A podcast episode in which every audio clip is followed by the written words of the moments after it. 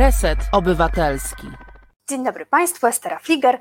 15 odcinek dawno, dawno czemu w Resecie Obywatelskim. E, dzisiaj program będzie się składał z dwóch części. W pierwszej e, porozmawiam z profesorem Krzysztofem Ruchniewiczem o miejscu historii w przestrzeni publicznej. Myślę, że to będzie dla Państwa bardzo ciekawa dyskusja, zwłaszcza, że często w komentarzach na czacie spore emocje wywołuje temat polityki historycznej i różnych historycznych sporów, także mam nadzieję, że to będzie ciekawy czas. A w drugiej części programu spotkamy się z dwoma autorkami, panią e, Joanną e, Wawrzyniak oraz Aleksandrą Lake, autorkami książki Cięcia, historia mówiona transformacji. Książka otrzymała nagrodę e, historyczną tygodnika Polityka. I obie autorki opowiedzą o badaniach nad pamięcią transformacji, o tym, jak ich rozmówcy i rozmówczynie widzą to, co wydarzyło się po 1989 roku. Rozmowa jest już nagrana, my ją odtworzymy. Zapewniam Państwa, że jest przeciekawa i myślę, że dla wielu słuchaczy i słuchaczek, zwłaszcza osób, które same też doświadczyły w jakiś sposób transformacji, bo na pewno taką grupę mamy, będzie to też ciekawa, ciekawa rozmowa. A teraz zaproszę już pierwszego E, gościa, więc profesora Krzysztofa Ruchniewicza z Uniwersytetu Wrocławskiego. Dzień dobry. Dzień dobry pani, dzień dobry państwu. E, pan profesor był już naszym gościem. E, mieliśmy świetną rozmowę razem z profesorem Dobrotną Hałwą z Uniwersytetu Warszawskiego o studiach historycznych i dzisiaj trochę będziemy kontynuować ten temat, ale zacznijmy od czegoś innego, od bieżących, bieżącej rocznicy. E, a więc 30-lecie polsko-niemieckiego traktatu o dobrym e, sąsiedztwie. E, panie profesorze, chciałam zapytać w tym kontekście o relacje polsko-niemieckie w ostatnich 30 latach. O jakim w ogóle wydarzeniu mówimy, jaka jest jego skala, jakie jest znaczenie tego traktatu, no i przede wszystkim jak wyglądało to budowanie relacji polsko-niemieckich po 1989 roku.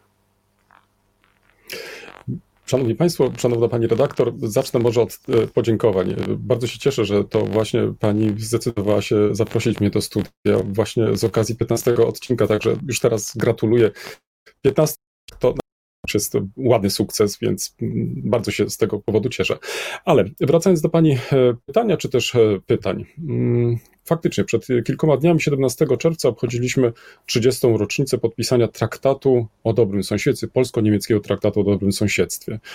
Dlaczego ta data jest taka ważna i dlaczego mm, warto było ją przypomnieć. Otóż trzeba mieć na uwadze to, że podpisanie tego traktatu przed 30 laty wieńczyło pewien proces. E, proces, który został zapoczątkowany, no i tutaj historycy się spierają, czy tym, tą datą był już e, na przykład rok 80, czyli powstanie Solidarności, początek e, destrukcji powolny w bloku wschodniego, a następnie rok na przykład 89, czyli można powiedzieć wiosna, czy też jesień ludów, która ostatecznie doprowadziła do upadku komunizmu.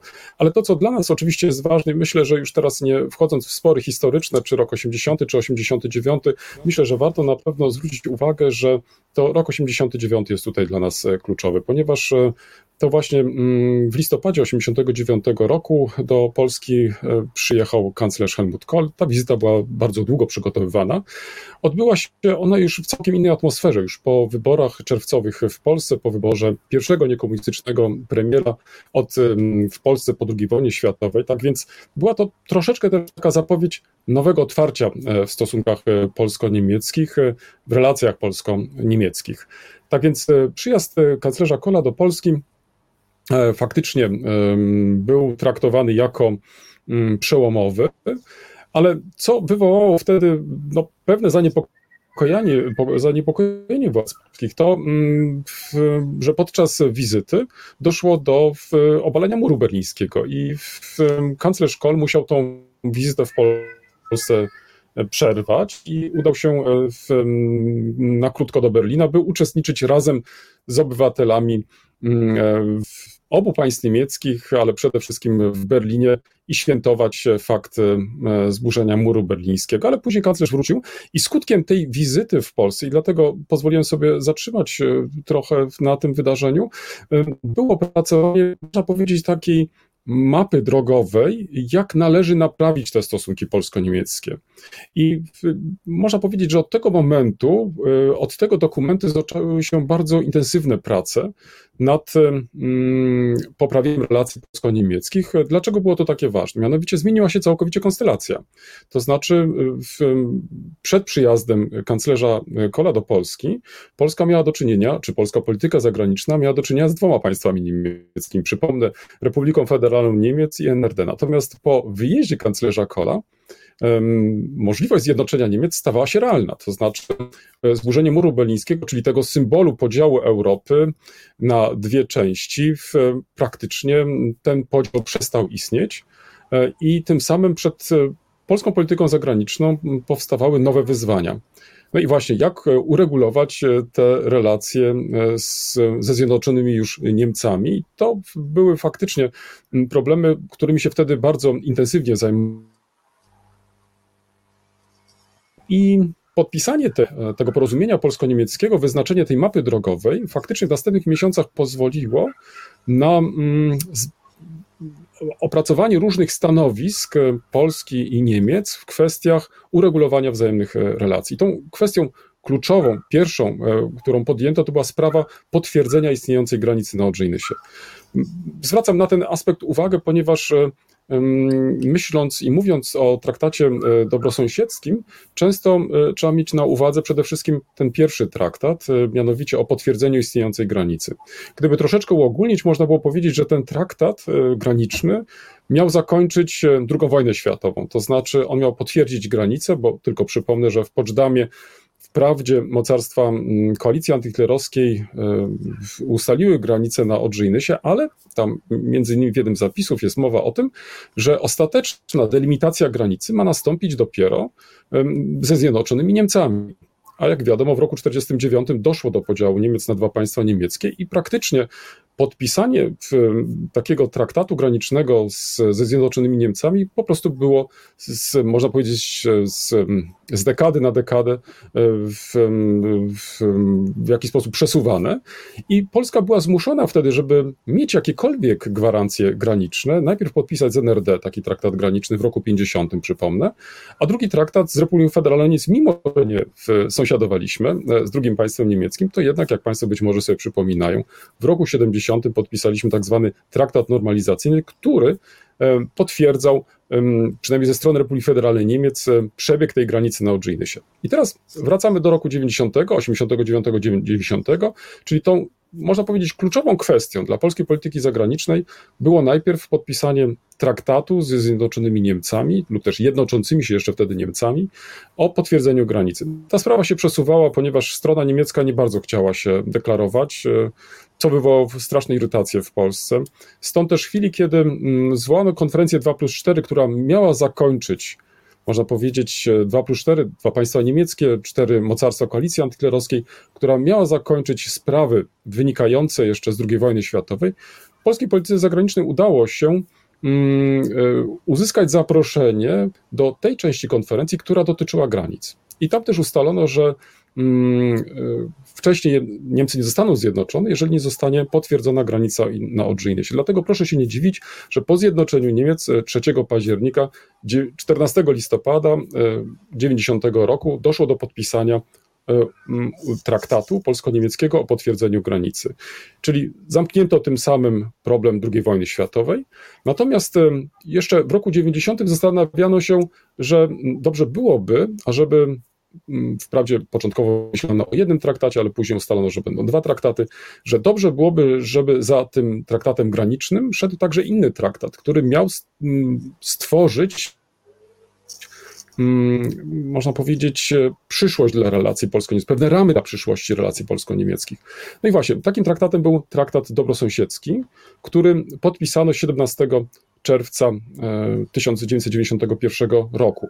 I teraz, e, kiedy spoglądamy mm, na 30-lecie podpisania tego traktatu, to należy stwierdzić, że mm, traktat 17 czerwca to znaczy, mm, na to dzieło traktatowe składał się zarówno ten wcześniej wspomniany przeze mnie traktat graniczny, jak i ten właśnie podpisany 17 czerwca traktat y, o dobrym sąsiedztwie. Dlaczego był to ważny tak traktat? Bo pani też i o to pytała. Ponieważ on faktycznie tworzył ramy dla przyszłości relacji polsko-niemieckich i po raz pierwszy w historii relacji polsko-niemieckich, Niemiec, e, Zjednoczonych Niemiec, ale także i wolnej, suwerennej Polski, to nie od gabinetów polityków zależały te relacje, te stosunki, tylko także od społeczeństw, od społeczeństw obywatelskich. Tak więc w tym traktacie o dobrym sąsiedztwie na różnych płaszczyznach e, określono, w jakich zakresach te stosunki mają się odbywać, jakie są możliwości. I to, co chyba z punktu widzenia polskiego przede wszystkim było ważne, to że e, Niemcy, ale podobnie tak jak i inne państwa, wtedy jeszcze wspólnot europejskich, wsparły polskie dążenia, ażeby mm, Polska znalazła się możliwie szybko e, w gronie e, członków wspólnot europejskich, później Unii Europejskiej. Tu trzeba przyznać, że z perspektywy czasu e, Niemcy to zadanie wykonały, to znaczy wspierały bardzo gorące, gorąco Polskę właśnie w, w tych planach, w tych zamierzeniach. Proszę mieć na uwadze, że krótko po podpisaniu traktatu utworzono na przykład organizację, która przeszła do historii jako Trójkąt Weimarski. Zależało na tym, i zresztą strona niemiecka podkreślała, żeby Polska od samego początku miała możliwość uczestniczenia w różnego rodzaju międzynarodowych dyskusjach i takie forum dyskusyjne tworzył właśnie ten trójkąt weimarski państw Francji, czy też na osi Paryż, Berlin i Warszawa, co było rzeczą ważną. To było jeszcze też dodatkowo podkreślenie, że mm, Niemcy w, w, są zainteresowane jak najbardziej tym, ażeby mm, korzystając z tego e, traktatu, na nowo opracować e, mm, relacje w jednoczącej się Europie. Oczywiście Polska jeszcze wtedy nie była członkiem wspólnot, czy też później Unii Europejskiej, ale ten e, trójkąt miał pozwolić Polsce powoli E, poznawać ten teren międzynarodowy, e, w, e, w jaki sposób wykorzystywać też do realizacji swoich celów, także jeżeli chodzi o politykę zagraniczną. Może tyle tytułem wstępu, przepraszam za taki może trochę przydługi wykład, ale wydawało mi się rzeczą ważną, zwłaszcza podkreślić fakt istnienia tego wielkiego traktatu, czy też to, co historycy nazywają dzieła traktatowego polsko-niemieckiego. Pani redaktor nam gdzieś uciekła, ale mam nadzieję, że zaraz wróci. Dzień dobry. Jeszcze raz, e, drodzy Państwo, przepraszam, mnie dzisiaj pokonuje technika, ale e, zostawiłam Państwa z bardzo ciekawym gościem, więc mam nadzieję, że Pan Profesor kontynuował i gdzie się teraz zatrzymaliśmy, e, to kontynuujemy dalej. To ja e, pozwoliłem sobie zajrzeć do czatu i najmocniej Państwa przepraszam. Postaram się mówić wolniej, tak więc proszę mnie od czasu do czasu poprawić. Faktycznie mówię za szybko że mm, ja skończyłem w momencie, mm, podkreślając wagę i znaczenie traktatu, nazywając go też tak zwanym Wielkim Traktatem, lub też czasami wśród historyków używa się dla obu traktatów także innego określenia dzieło traktatowe. I zwróciłem uwagę na to, że mm, Polska przez Niemcy mm, od samego początku została wciągnięta do dyskusji, debaty ogólnoeuropejskiej. Takim instrumentem e, do takiej debaty miał być e, trójkąt weimarski, który także powstał w tym roku. Mhm. I ja teraz e, zacznę może od tego, że w ogóle bardzo dziękuję e, za gratulacje, zwłaszcza, że pan profesor jest doświadczonym podcasterem, bo e, pan profesor realizuje podcast e, razem z profesorem Przemysławem Wiszewskim, e, dwóch historyków, jeden mikrofon oraz prowadzi bloga. E, I od razu zapraszam do 20 odcinka, może tak właśnie będziemy tutaj przy 15 odcinku rozmawiać, to jeszcze przy, przy okrągłej rocznicy, dawno, dawno czemu, 20, 20 podcast. E, a e, tymczasem jeszcze dopytam o mapę, zagro- e, mapę tych stosunków polsko-niemieckich, jak to pan profesor świetnie ujął. Co jej dzisiaj zagraża i czy tym zagrożeniem na mapie jest właśnie historia, bo przecież tyle się mówi na przykład w mediach rządowych o reparacjach. Czy to jest jakieś zagrożenie realne dzisiaj dla stosunków polsko-niemieckich? Czy w ogóle historia ma znaczenie dzisiaj w stosunkach polsko-niemieckich? Dziękuję za to pytanie. Oczywiście ta przeszłość, zwłaszcza ta trudna, odgrywała w relacjach polsko-niemieckich zawsze dużą rolę. Można nawet wręcz mieć wrażenie, że dla pokolenia e, okresu II wojny światowej, e, a przecież o ministrach spraw zagranicznych w tym czasie, czy ministrze spraw zagranicznych, na przykład e, Krzysztofie Skubiszewski, można powiedzieć, że był bardzo wyczulony na te problemy. Dlatego proszę się nie dziwić, że w pierwszej kolejności starano się mm, rozwiązać problem potwierdzenia granicy na Odrzyjnysie. To znaczy uważano, że to jest kwestia kluczowa dla Polski. Mm, jeśli pani pozwoli, to tylko jedno zdanie też, żeby to w jakiś sposób zilustrować. W wyniku przesunięcia Polski po II wojnie światowej ze wschodu na zachód, Polska utraciła połowę swojego terytorium. To trzeba sobie po prostu uzmysłowić. I bez e, tej części na zachodzie, którą Polska otrzymała w wyniku e, uchwał poczdamskich, to praktycznie Polska byłaby zredukowana do no, takiego korytarza wręcz, e, natomiast nie mogłaby się normalnie rozwijać. Tak więc mm, potwierdzenie tej granicy na Odrze i Nysie Łużyckiej było dla Polski żywotnym, w żywotnym interesie, kiedy uzmysławiano sobie, że tereny wschodnie Polski, czyli były kresy, po prostu są stracone i nie ma możliwości powrotu. Ale co ciekawe, e, przeglądając literaturę, e, a zwłaszcza źródła do powstania traktatu polsko-niemieckiego, natrafiłem na jeden z dokumentów, który mnie zaskoczył, muszę powiedzieć.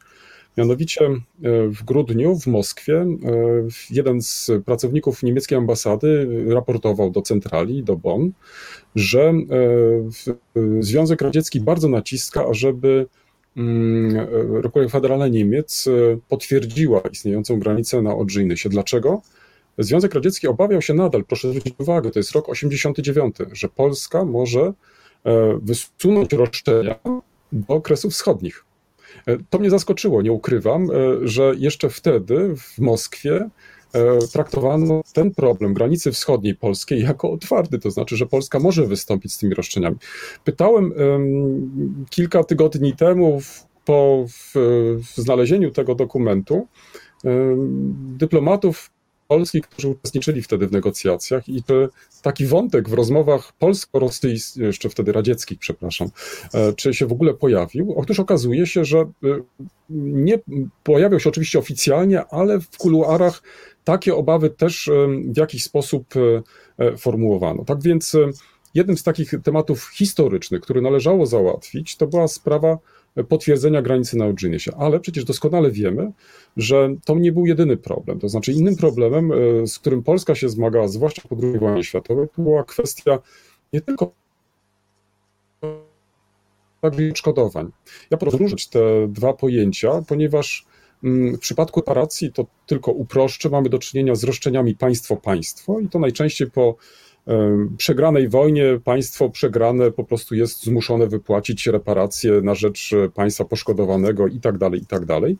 Natomiast w przypadku odszkodowań mamy tutaj mm, raczej do czynienia z, mm, ze świadczeniami państwo, obywatel. Czyli chodzi tutaj o konkretne osoby, które są po prostu poszkodowane. I o ile mm, jestem zdania, że w roku 1953 Polska zrezygnowała E, z reparacji, czy z pobierania dalszych reparacji e, od Niemiec, bo tak to wtedy określano.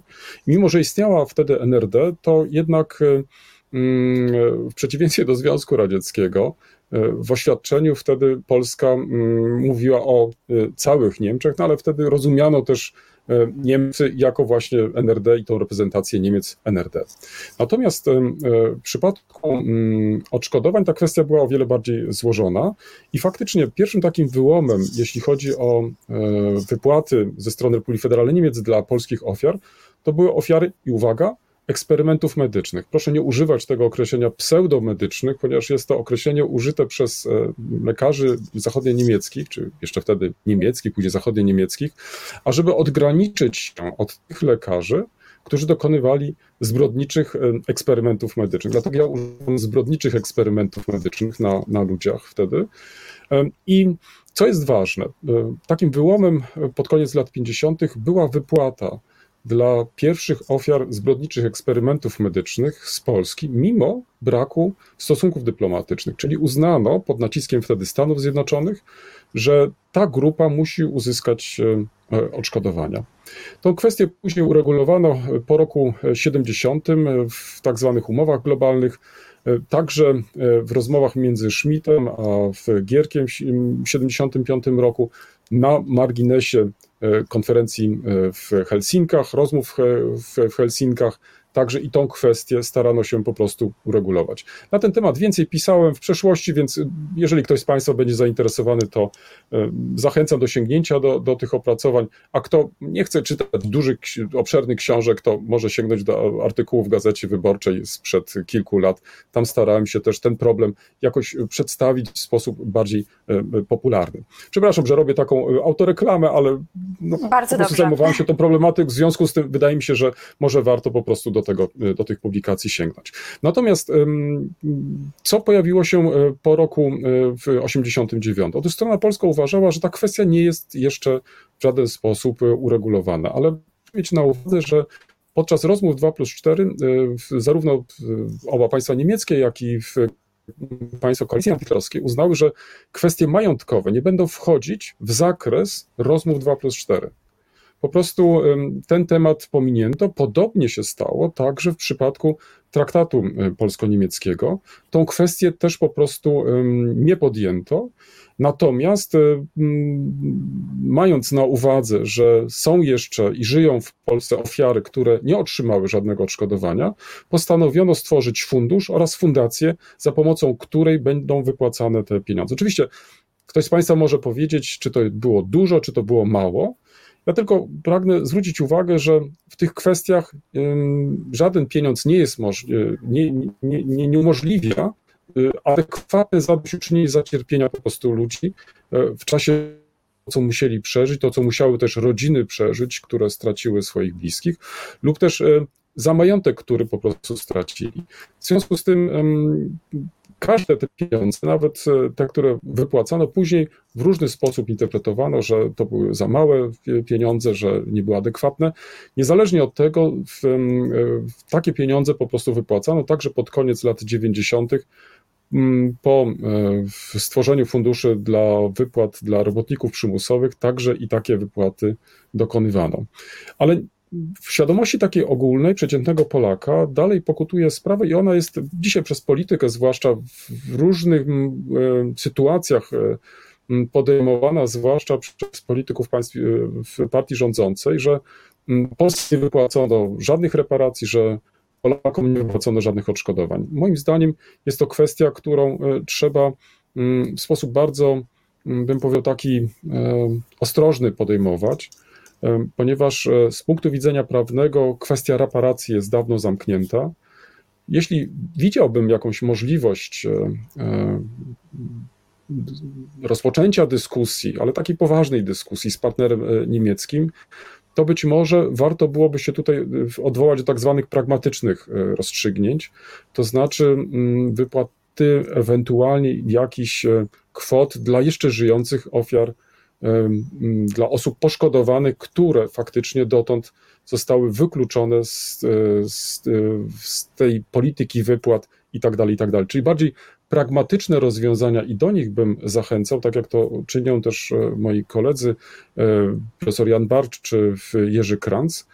I wydaje mi się, że to byłoby lepszym rozwiązaniem, ponieważ ono by pokazywało z jednej strony, i tutaj mam wrażenie takie, że Republika Federalna Niemiec nie w, umywa rąk, to znaczy nie poczuwa się nieodpowiedzialna za te sprawy, ale tu trzeba w sposób, wydaje mi się przynajmniej, bardziej mm, taki w, z większym zrozumieniem podejść do tych kwestii, zaproponować konkretne rozwiązania i tak dalej, i tak dalej. Tak więc to jest ta kwestia, która budziła wtedy kontrowersje i jak widać, także i dzisiaj jest podnoszona, co wcale nie oznacza, że to jest jakiś wielki problem w relacjach polsko-niemieckich. Bo przecież proszę przypomnieć sobie, że mimo iż nawet utworzono komisję w, w Sejmie, która miała się zająć kwestiami reparacji, wyliczenia tych e, kwot i tak dalej, i tak dalej, to do dzisiaj oficjalnie e, rząd polski wobec e, rządu niemieckiego, czy też wobec Niemiec takich roszczeń po prostu oficjalnie nie zgłosił. Inna kwestia, która ostatnio została podjęta przez pana prezydenta Dudę, to jest sprawa zwrotu polskich dóbr kultury. Jest to kwestia również e, bardzo skomplikowana, bardzo trudna. I nie wiem do końca, czy to dobrze się dzieje, że w przestrzeni publicznej, e, oczywiście to, że dyskutuje się na ten temat zgoda, ale czy to dobry jest moment, ażeby e, wszczynać tego rodzaju dyskusje. Ta dyskusja trwa od po, po prostu 30 lat i nie znaleziono dotychczas żadnego sensownego rozwiązania, bo trzeba mieć na uwadze, że nie chodzi tutaj tylko o polskie dobra kultury, zagrabione podczas II wojny światowej, ale także i niemieckie dobra kultury, które znajdują się na terenie Polski, czyli to, co nazywamy tak zwaną Berlinką, no, o które też strona niemiecka e, zabiega, mm, chce odzyskać zwrot i tak dalej, i tak dalej. Więc są to naprawdę bardzo kwestie, które wymagają też e, spokojnej dyskusji, ale też szukania jakichś wspólnych e, rozwiązań. Ja przypomnę tutaj esej Jana Józefa Lipskiego z, z chyba to rok 90, który mówił o depozycie.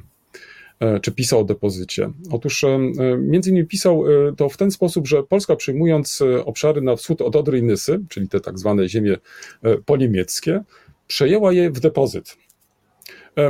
To chciał tym samym zwrócić uwagę, że naszym zadaniem jako tych, którzy przejęli te ziemię w depozyt, no jest dbanie o w, w kulturę niemiecką, o zabytki niemieckie i tak dalej, i tak jak pani być może i państwo wiedzą, nie spotkało się to w, z jakimś wielkim entuzjazmem e, w, w, Polsce, ponieważ bardzo szybko sobie uzmysłowiono, że charakterem depozytu jest to, że tak, można go przejąć na pewien czas, ale któregoś dnia trzeba go po prostu zwrócić.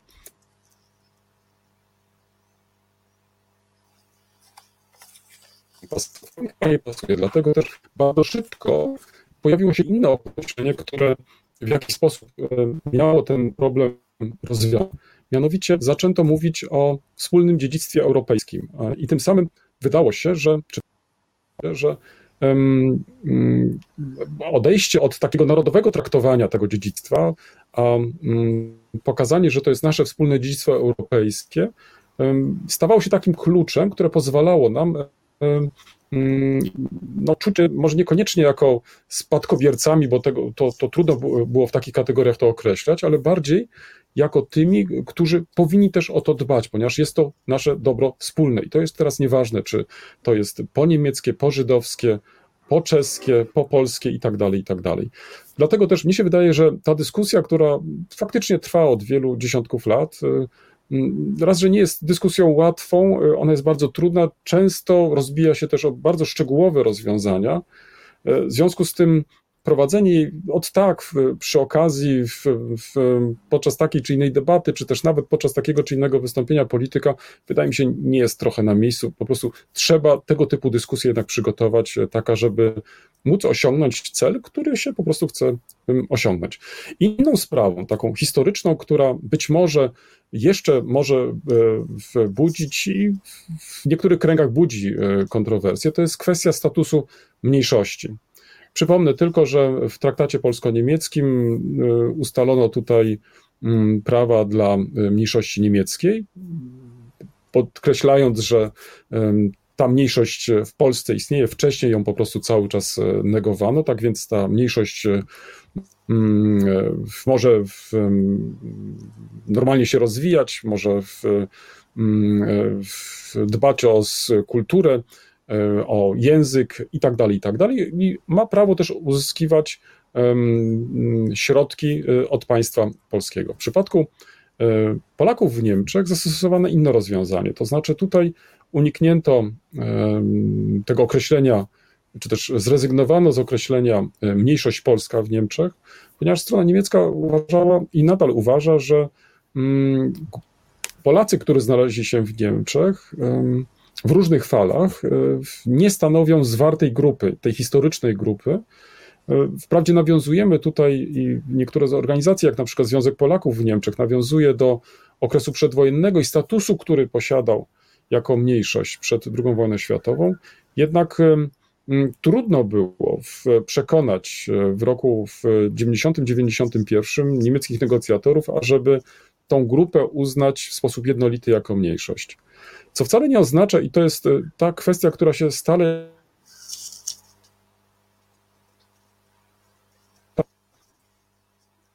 podobnych do mniejszości mają po prostu prawa także przedstawicieli mniejszości niemieckiej na przykład. Ponadto, co trzeba mieć też na uwadze, że mm, ten traktat podpisany w 1991 roku, mm, e, oczywiście był pewną propozycją, jednakże później Polska, mm, stając się członkiem także i Unii Europejskiej, praktycznie przejęła całe prawodawstwo, które dotyczy także mniejszości. Tak więc w ten sposób ta grupa polska w Niemczech została wzmocniona poprzez prawodawstwo też europejskie. I wydaje się, że to tak naprawdę od niej teraz zależy, na ile na przykład będzie chciała wykorzystać swoje prawa w Niemczech na ile będzie się chciała organizować, na ile będzie się chciała domagać, ażeby na przykład mm, uzyskać e, możliwość e, nauki w szkołach niemieckich i tak dalej, i tak dalej. Tak więc wydaje mi się, że to przede wszystkim jest e, w rękach samych Polaków w Niemczech, na ile oni będą w stanie po prostu te swoje prawa wyegzekwować. I teraz przejdźmy płynnie do tych rzeczy bardziej bieżących.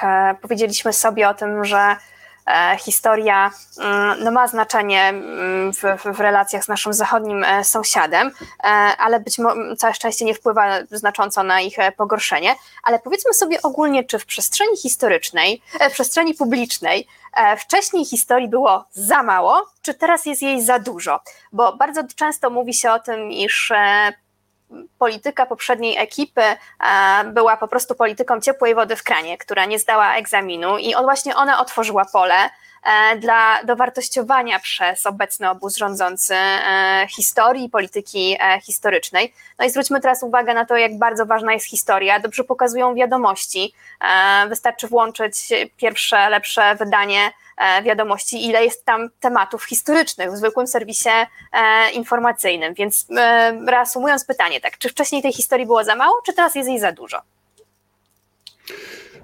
Postawiła Pani bardzo ważne pytanie, bo to jest też i tak, że mm, praktycznie nie mówić jako historyk, bo podcinam krótko swoją własną gałąź, bo przecież w końcu z uprawiania historii ja żyję. Ale wydaje mi się, że społeczeństwo E, które żyją historią, to mają problem nie tylko z teraźniejszością, ale także z prognozowaniem przyszłości. To znaczy, e, jako część e, także, można powiedzieć, systemu państw, jesteśmy w naszym konkretnym przypadku częścią Unii Europejskiej. I to przede wszystkim tu powinniśmy skoncentrować naszą główną uwagę, natomiast nie myśleniu i patrzeniu cały czas wstecz, czy też e, w przeszłość. Ja nie chcę tym samym powiedzieć, i proszę mnie źle nie zrozumieć, że przeszłość e, nie jest ważna. Ona jest oczywiście ważna, zwłaszcza jeśli chodzi o te elementy tożsamościowe. Przecież cały czas się odwołujemy do takich czy innych wydarzeń. One są dla nas po prostu istotne z punktu widzenia funkcjonowania. Jako obywatele, jako przedstawiciele takiej czy innej społeczności, jako naród, czy też narody i tak dalej, i tak dalej. Natomiast e, wydaje mi się, że i być może to jest pewne takie wrażenie, które mm, e, czasami się pojawia. Ja wcale nie mam wrażenia, że e, w, we wcześniejszych okresach tej historii było mało. Proszę zwrócić uwagę, główne projekty historyczne, które zrealizowano w przestrzeni publicznej, powstały albo w okresie pierwszych rządów partii Prawo i Sprawiedliwość, albo też zarządów po. Przecież Muzeum II wojny światowej przykładowo powstało już właśnie za rządów PO. Takich przykładów można byłoby wskazać więcej, na przykład Muzeum Polin i tak dalej. Więc Mówimy tutaj o dużych muzeach, ale też powstawały małe muzea. Na przykład jedno z naj, takich najciekawszych muzeów, które bardzo lubię, koło Katowic w Radzionkowie, które Mm, e, ilustruje e, tak zwaną tragedię górnośląską, czyli deportację górnoślązaków w głąb e, Związku Radzieckiego w roku 1945. Jedno z najciekawszych muzeum, jedno z najnowocześniejszych muzeum, właściwie praktycznie nieznane, ale powstaje właśnie w okresie, kiedy jeszcze władzę sprawuje Platforma Obywatelska. Tylko proszę zwrócić uwagę, że te projekty historyczne, ważne, istotne, one jakoś tak powstawały gdzieś tam na marginesie. To znaczy, działa się wielka polityka, dyskutowaliśmy o wielkich problemach, bo przecież proszę zwrócić uwagę, przecież dużym cieniem się kładła też na Europie chociażby, ale na całym świecie też e, sprawa kryzysu finansowego na przykład. E, I to jest to, co nas wtedy interesowało, z czym się zmagaliśmy. Natomiast historia gdzieś tam się działa w tle.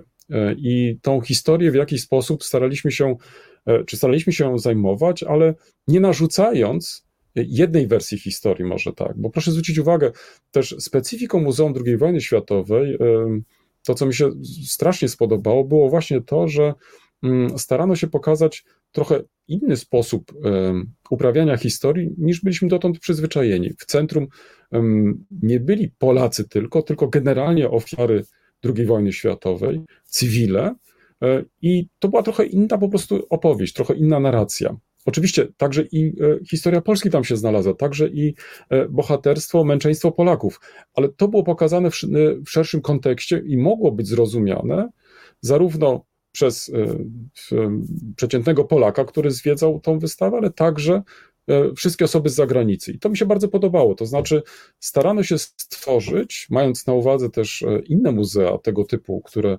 funkcjonują e, w świecie, że trzeba tworzyć uniwersalne przesłania, żeby móc być też w jakiś sposób zrozumianym, to znaczy, żeby zainteresować też własną przeszłością. Proszę zwrócić uwagę, nie bez powodu, film, który kończył wtedy tą wystawę, on pokazywał, że.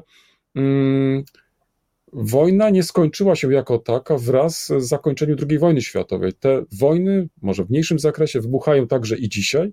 I naszym generalnie zadaniem tych, którzy żyją w pokoju, jest, e, ażeby po prostu nie ustawać w działaniach, ażeby do takich wojen po prostu, do takich konfliktów e, narodowych, społecznych i tak dalej nie dochodziło, które kończą się właśnie rozlewem krwi i tak dalej, i tak dalej. I wydawało mi się wtedy też, że jest to bardzo ciekawa propozycja, to znaczy taka, która pokazuje, że my jesteśmy częścią pewnego dyskursu, pewnego myślenia też e, nie tylko o własnych sprawach, ale także o sprawach innych.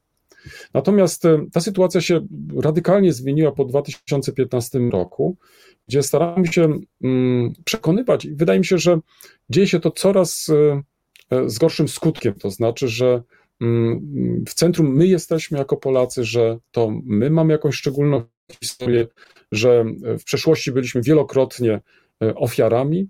No, ja, ja się cały czas nad tym zastanawiam. To w, wydaje mi się, że i każdy historyk, który zajmuje się historią powszechną, ale także historii Polski, wie, że no, ta historia nie jest jednowymiarowa, że ta historia jest bardzo zróżnicowana i mm, dużym ograniczeniem jest pokazywanie tylko w historii w takim schemacie biało-czarnym. Ale co to oznacza? To oznacza, że ja po prostu sobie ułatwiam drogę, że nie chcę myśleć wielowątkowo, nie chcę starać się zrozumieć e, też argumentów drugiej strony. I to jest dla mnie rzecz bardzo problematyczna. I ten przekaz, który dzisiaj mamy w, mm, e, w przestrzeni publicznej, mam wrażenie, jest taki bardzo spłycony, jest taki bardzo wręcz e, toporny. On przede wszystkim mm, nie zachęca do tego, ażeby tymi sprawami się zajmować. Dam inny pani przykład, który jest dla mnie bardzo charakterystyczny. W roku 1988 e, roku, kiedy obchodziliśmy 70. rocznicę, tu zawsze się zastanawiam przez chwilę, 70. rocznicę odzyskania niepodległości, to mm, zorganizowano wielkie obchody z tej okazji. To były pierwsze, można powiedzieć, wprawdzie już schyłek komuny, ale w każdym razie pierwsze bardzo duże obchody właśnie rocznicowe. I w którymś momencie, za chwilę, mm, zacząłem się już na tym łapać, wstawałem z pierwszą brygadą, szedłem e, na, w uczelnię z pierwszą brygadą, jadłem obiad z pierwszą brygadą, następnie mm, jadłem kolację z pierwszą brygadą, brygadą i szedłem spać z pierwszą brygadą. Jaki to miało efekt? coraz częściej zacząłem wyłączać e, radio, telewizję, bo nie chciałem być codziennie z pierwszą brygadą. No tak jakbym wziął ślub z pierwszą brygadą. No, mm, ja myślę, że pewien e, przesyt także tego rodzaju e, informacji sprawia, że zaczynamy wyłączać się, że zaczynamy je odrzucać. I mimo, że mm, nie ukrywam, że niektóre tematy, także i dzisiaj podejmowane przez drugą stronę, nazwijmy to stronę rządową, czy też y, y, historyków, którzy jakoś tam związani są po prostu z tą stroną, są tematami ważnymi. To, to nie ulega wątpliwości, tylko sposób, w jaki to robią i intensywne, wręcz nawet powiem, nadużywanie tych e, tematów powoduje, że się po prostu wyłączamy, że już nie chcemy po prostu się tym zajmować e, ze szkodą naturalnie dla tej problematyki, która została podjęta. Tak kontynuując te e, wątki, ja myślę sobie, gdyby spróbować powiedzieć coś pozytywnego o e, polityce historycznej ostatnich lat, to ja bym powiedziała to że przede wszystkim ona jest. To znaczy, uważam, że dowartościowanie historii, pokazanie, że historia jest ważna, e, niewątpliwie zaliczam na plus, ale właśnie to, co pan profesor powiedział, ten przesył, widzimy to dobrze chyba na pomysłach ministra Czarnka na edukację historyczną, ale też na przykładzie na przykładzie tego, w jaki sposób właśnie rząd forsuje na przykład zmiany w Muzeum II wojny światowej, E, w Gdańsku. Więc moje pytanie jest teraz następujące. Czy na przykład nie uważa pan profesor, że Wajcha wybije w drugą stronę? Jeśli kiedyś władza się zmieni, to czy e, nie będzie to z wielką niekorzyścią dla historii, bo właśnie z powodu tego, że teraz jest jej taki przesyt, to będzie w drugą stronę i inna skrajność w ogóle ona zniknie z przestrzeni publicznej, a to też niedobrze. To myślę, pani redaktor, także i w tym przypadku podjęła pani, czy, czy bardzo dobrze sformułowała pani to pytanie, ponieważ e, pytanie, które tutaj e, od razu się rodzi, do kogo należy historia? Czy w ogóle możemy tak to określić? Czy ta historia należy do historyków, czy do polityków? Jeżeli do polityków, mnie nic do tego, ja po prostu nie chcę się nawet mieszać do tego. Mm, I dlatego też e, myślę, że tu będzie trzeba po prostu podejść z bardzo dużą ostrożnością do tego, co będzie się dziać w razie mm, zmiany rządów i tak dalej, i tak dalej. Bo być może pierwsze wrażenie będzie takie, że będzie trzeba to usuwać, zmieniać i tak dalej, ale ja nie wiem, czy tędy jest też droga. To znaczy, ja jestem zdania takiego, że oczywiście można zaczynać wszystko od nowa, ale po co? Znaczy, raczej byłbym za tym, i tutaj raczej chyba wchodzi już historyk, y, który, którym jestem, że należałoby się zastanowić, dlaczego na przykład zwracano na pewne aspekty uwagę, dlaczego uważano, że one są ważne. Bo proszę zwrócić uwagę, one też y, mm, cieszą się akceptacją części społeczeństwa. To nie jest tak, że ktoś narzuca jakiś obraz, że y, wymusza taki czy inny obraz. Ten obraz jest po części jakoś też wyrazem pewnych oczekiwań, albo też e, mm, no, tego, co chce się zobaczyć prawda, w tym obrazie. Ja i tak uważam, że tak jak tutaj przywoł, przywołam jeszcze raz Jana Józefa Lipskiego, e, który uważał, że mm, ja reprezentuję tak zwany patriotyzm krytyczny, e, w odróżnieniu do patriotyzmu afirmatywnego. Patriotyczny, że dostrzegamy w swojej historii obie rzeczy, to znaczy zarówno te mm, bohaterskie, chwalebne, nazwijmy to te, takie bardzo jasne strony naszej historii, i myślę, że takich możemy wskazać bardzo dużo. Ale powinniśmy też w naszej historii wskazywać też na te strony ciemne, na te problematyczne, ich nie pomijać, o nich dyskutować. Bo dopiero wtedy, można powiedzieć, będziemy mogli widzieć tą historię w jej złożoności, w postawach, które nie są jednoznaczne. Raz ktoś mógł być bohaterem, ale za chwilę mógł się stać po prostu mordercą. I, odwrotnie. I teraz, y, czy nam, którzy, no, jakby to powiedzieć, y, nie, mają, nie mieli z tym nic do czynienia. Oczywiście nam jest łatwo dzisiaj oceniać pozytywnie, negatywnie, mając taką, a nie inną wrażliwość, ale czy na tym to polega? Jestem zdania, że jako historycy my nie jesteśmy prokuratorami e, w sprawie, tylko powinniśmy w jakiś sposób, na ile to jest możliwe, przybliżać e, te różne motywacje e, i pokazywać e, i zachęcać do tego, żeby poznawać złożoność tych motywacji. Żeby każdy mógł sobie wyrobić jakieś zdanie. I mnie się wydaje, że mm, faktycznie takie, mm, takie niebezpieczeństwo istnieje, że może to się będzie dziać na zasadzie rewolucyjnej i będzie po prostu usuwanie pomników, też tych takich symbolicznych pomników ale z mojego punktu widzenia mm, te kilka lat też pokazały, że mm, być może w przestrzeni publicznej nie podejmowano pewnych tematów, bo uważano, że one są po prostu może nieaktualne, może są nienowoczesne i tak dalej, ale części społeczeństwa one dotykały. I dlatego też e, z mojego punktu widzenia byłoby rzeczą ciekawszą przeprowadzić taką debatę. A proszę zwrócić uwagę, czy może Pani wskazać debatę na przykład na temat e, schedy po dwudziestoleciu międzywojennym. Taka się nie odbyła zarówno w okresie komunistycznym, jak i na przykład w latach 90., gdzie jeszcze żyli świadkowie wydarzeń i mogliby uczestniczyć na przykład w takiej debacie. Więc uniknięto tego. Więc ja myślę, że może warto byłoby bardziej się zastanowić e, nie tyle nad polityką historyczną jako taką, tylko nad stanem kultury pamięci lub też kultur pamięci. To znaczy to, w jaki sposób my w, rozmawiamy o przeszłości, jaką mamy kulturę albo reprezentujemy kulturę dyskusji o przeszłości. I wydaje mi się, że to jest o wiele ciekawsze, bo to wtedy mm, nie będzie tego elementu, elementu wykluczającego, um, tylko będzie on raczej miał charakter włączający, bo będziemy dyskutować ze sobą, a tego mi brakuje. Bo wielokrotnie, i co się też e, przewija w różnych dyskusjach, że podobno funkcjonujemy w różnych bańkach. No, chcę panią i państwa przed ekranami zapewnić, albo przed um, głośnikami, że um, nie funkcjonuję w żadnych bańce. Ja czytam zarówno jedne prace, jak i drugie. Wypowiadam się na taki czy inny temat. Uważam, że to jest moim obowiązkiem. Jeżeli mam dyskutować, to chciałbym dyskutować nie o osobach, które piszą takie czy inne rzeczy, tylko chciałbym e, dyskutować o argumentach, które one używają. To jest dla mnie ciekawsze. Po prostu tylko czasami mam wrażenie, że są historycy, którzy um, od razu znają odpowiedzi, potrafią nas zaszufladkować. wystarczą, że usłyszą dwa, trzy zdania i już wiedzą lepiej. No, ja gratuluję im, szczerze mówiąc. Ja, mimo już jakiegoś tam doświadczenia, nie potrafię tak, więc i chyba nawet nie wiem, czy chciałbym tak e, robić.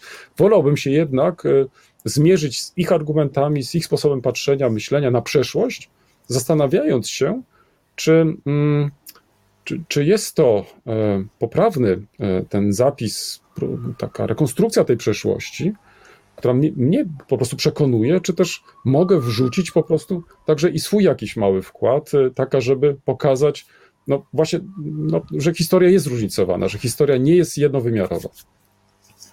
To korzystając z tego, że pan profesor no, jest świetnym fachowcem, jeśli chodzi o Niemcy, to jak to wygląda w Niemczech dzisiaj? Jak, jakie miejsce historia ma e, w przestrzeni publicznej e, w Niemczech w porównaniu tutaj do Polski? jaką ma rolę w społeczeństwie.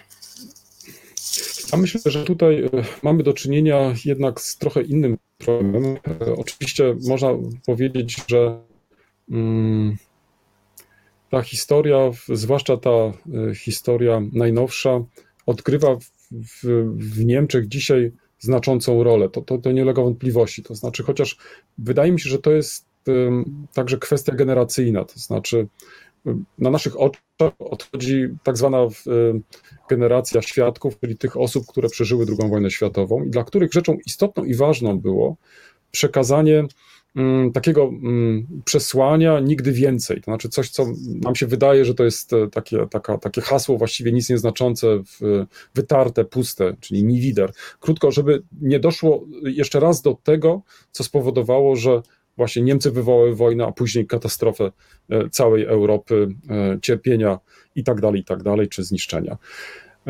Także mnie się wydaje, że tą lekcję wykonano e, i te tematy dotyczące II wojny światowej, one powracają. Jak ważna historia jest w, w myśleniu dzisiejszych Niemców, chociaż też mam dużą trudność mówić o Niemcach jako takich, bo to jest bardzo zróżnicowane społeczeństwo to powiedziałbym może tak, że, że dla części może społeczeństwa niemieckiego, to chociażby przykładem jest tego niedawno otwarte muzeum e, w, e, w wysiedleń, wypędzeń e, w, w Berlinie, które w przeszłości budziło takie kontrowersje, a które pokazuje jeden z aspektów ważnych dla historii Niemiec, mianowicie kwestię wysiedlenia ludności niemieckiej. Ale co ciekawe, dzięki właśnie debacie, dyskusji, to jest też rzecz charakterystyczna, dla mm, naszego sąsiada w, w, na zachodzie, że mm, utworzenie takiego muzeum poprzedzono publiczną debatą, w której, jak y, Państwo sobie przypominają, także uczestniczyli polscy historycy. I mam nadzieję, że dzięki takiej debacie to muzeum dzisiaj całkiem inaczej wygląda niż e, planowano je na początku. E, I te zapewnienia, które padły e, w, choćby ostatnio z ust e, dyrektor Gunduribawe, dam tego muzeum, że w muzeum tym znajdziemy i cały kontekst europejski dla tych wydarzeń, czyli przymusowych migracji, bo przecież nie można ich ograniczyć w żaden sposób tylko do wysiedlenia ludności niemieckiej. A przypomnę, że Europa Środkowa-Wschodnia to był praktycznie teren, gdzie doszło, jeżeli byśmy tak może ogólnie tak to określili, do, czy wysiedlono około 60 milionów osób. To trzeba sobie po prostu uzmysłowić. Około 30 podczas II wojny światowej, tu myśli się także o e, ziemiach polskich, o Polsce e, podczas II wojny światowej. przecież te wypędzenia, wysiedlenia już się zaczęły wraz z rozpoczęciem II wojny światowej. No i po II wojnie światowej kontynuowano na tym obszarze właśnie te przymusowe migracje. Mówimy tu 5 milionów stały mm, dotknięte przymusowymi migracjami, utraciły swoje domy, straciły swoje małe ojczyzny, i o tym opowiada teraz to muzeum. Ale co ciekawe, i to jest też chyba rzecz ciekawa dla nas również, że mm, na mm, kolejnym piętrze, gdzie ukazano tylko kwestie dotyczące wysiedlenia Niemców, każda z osób zwiedzających musi e, pokonać e, część, która dotyczy III Rzeszy. Tak więc ten e, schemat przyczynowo-skutkowy jest tutaj bardzo wyraźnie pokazany. To znaczy nie tylko kontekst ten europejski dla tych wydarzeń, ale także i przyczyna, skutek, czy nie byłoby, żeby to może sprowadzić, wysiedlenia, wypędzenia Niemców, gdyby właśnie nie rozpętana wojna, gdyby właśnie nie te wysiedlenia czy wypędzenia, które dokonywali Niemcy podczas II wojny światowej i tak dalej, i tak dalej. Myślę, że to jest troszeczkę inny sposób patrzenia e, na historię, może tak bardziej bym powiedział zuniwersalizowany, czyli coś, co właściwie miało być widoczne także w Muzeum II wojny światowej. Zresztą proszę sobie przypomnieć, że powstanie Muzeum II wojny światowej było trochę odpowiedzią na Centrum Przeciwko Wypędzeniom i działaniom tak. wtedy jeszcze przewodniczącej e, Związku Wypędzonych e, Eriki Steinbach. Tak więc e, trochę źle się stało z mojego punktu widzenia, że mm, straciliśmy okazję do takiej, bym powiedział, nie tyle może mm, mm, dyskusji, dialogu między muzeami, ale że ta problematyka, która bardzo dobrze została pokazana w Muzeum Drugiej, w związku z tymi różnymi perturbacjami, które przeżyliśmy w ostatnich latach, no nie została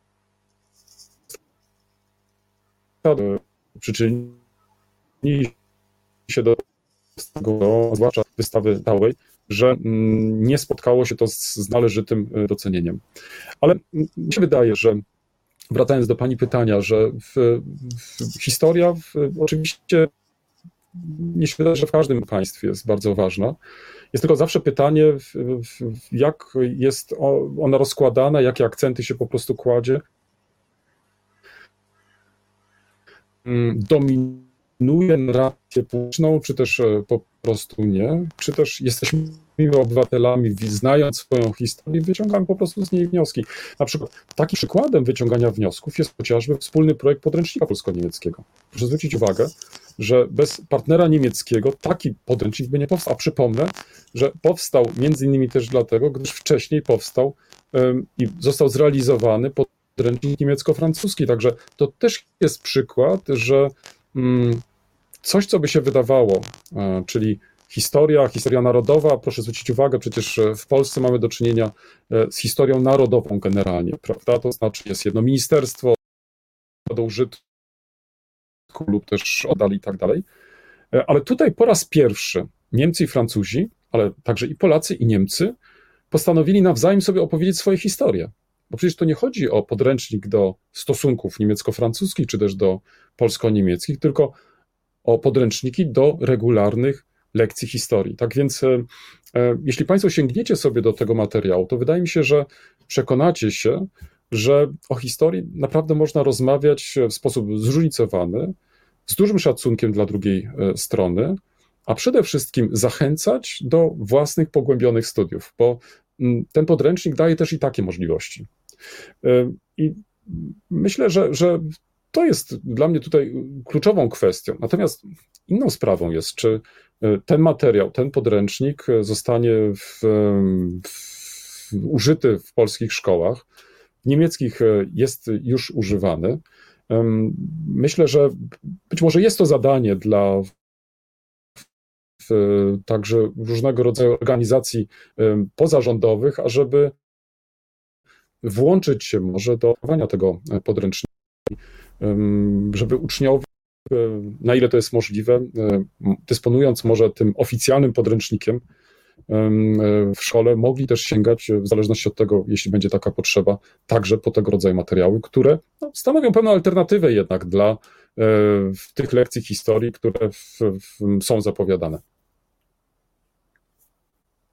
E, musimy kończyć, bo za moment druga jeszcze rozmowa. Nie wyczerpaliśmy tematu, ale tak jak powiedziałam, już zapraszam do 20 odcinka, więc będziemy na pewno mieć okazję kontynuować e, rozmowę. Więc jeszcze raz bardzo, bardzo dziękuję za przeciekawe spojrzenie.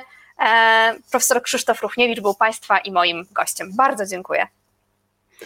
Dziękuję Panie redaktor, dziękuję Państwu i do zobaczenia. Do zobaczenia. Dziękuję. Drodzy Państwo, no to była przeciekawa rozmowa, więc e, jeśli ktoś nie zdążył, to za kilka dni będzie e, podcast. A tymczasem e, zapraszam na krótką przerwę muzyczną i po przerwie muzycznej rozmowa z panią doktor habilitowaną Wawrzyniak oraz Aleksandrą Lake, autorkami książki nagrodzonej przez tygodnik Polityka. Cięcia, mówiona historia e, transformacji. Więc drodzy Państwo, e, dziękuję pięknie za tę część programu. Zapraszam e, na drugą. A teraz przerwa muzyczna. Kilka chwil oddechu. Słuchasz Resetu Obywatelskiego. Reset Obywatelski działa dzięki Twojemu wsparciu. Znajdź nas na zrzutka.pl. Dzień dobry raz jeszcze. W drugiej części programu Dawno, dawno czemu, w 15 e, odcinku w Resecie Obywatelskim, obiecałam Państwu jakiś czas temu, że zaproszę e, zwyciężczynię e, konkursu tygodnika Polityka na książkę historyczną. W jednej z kategorii zwyciężyła praca Aleksandry Lejk oraz Joanny Wawrzyniak Cięcia mówiona historia transformacji. Książkę wydała krytyka E, polityczna, dotyka bardzo ważnego e, społecznie tematu z nie tak odległej e, historii, a wciąż żywego i obecnego w naszych dyskusjach. I już zaproszę nasze gościnie do rozmowy.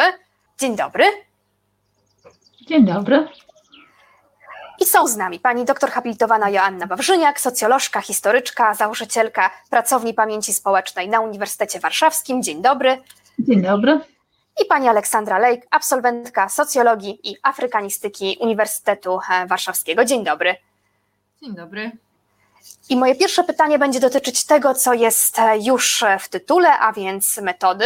E, mówiona historia transformacji. Co to w ogóle znaczy? Mówiona historia? Dlaczego mówiona historia i właśnie dlaczego w ten sposób zdecydowały się Panie opowiedzieć tę historię? Pani profesor, Panią poproszę pierwszą. Bardzo dziękuję. Chciałam od razu powiedzieć na początku, że ta książka, chociaż jest podpisana naszymi nazwiskami, jest efektem e, projektu, e, który był realizowany przez naszych współpracowników, współpracowniczki, studentki student, e, i studentów przez 10 lat w Instytucie, obecnie na Wydziale Socjologii. Polegał na rozmowach, właśnie opowiadaniu czy słuchaniu o transformacji, wysłuchiwaniu historii, nagrywaniu, a następnie archiwizowaniu w domu spotkań z historią z pracownikami tych zakładów produkcyjnych e, w PRL-u, które zostały przejęte przez międzynarodowe korporacje w latach 90. XX e, wieku. Większość z nich w jakiś sposób utrzymała się na rynku, część, jak na przykład FSO, upadło.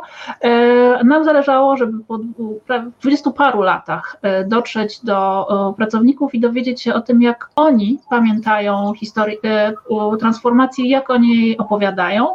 I staraliśmy się dotrzeć do pracowników różnego szczebla. Znajdą tam Państwo rozmowy z dyrektorami, z pracownikami administracji, z robotnikami i chcieliśmy w ten sposób utworzyć zbiór archiwum doświadczenia e, transformacji, e, które zbiera e, taką, taką opowieść wielogłosową, wielodoświadczeniową.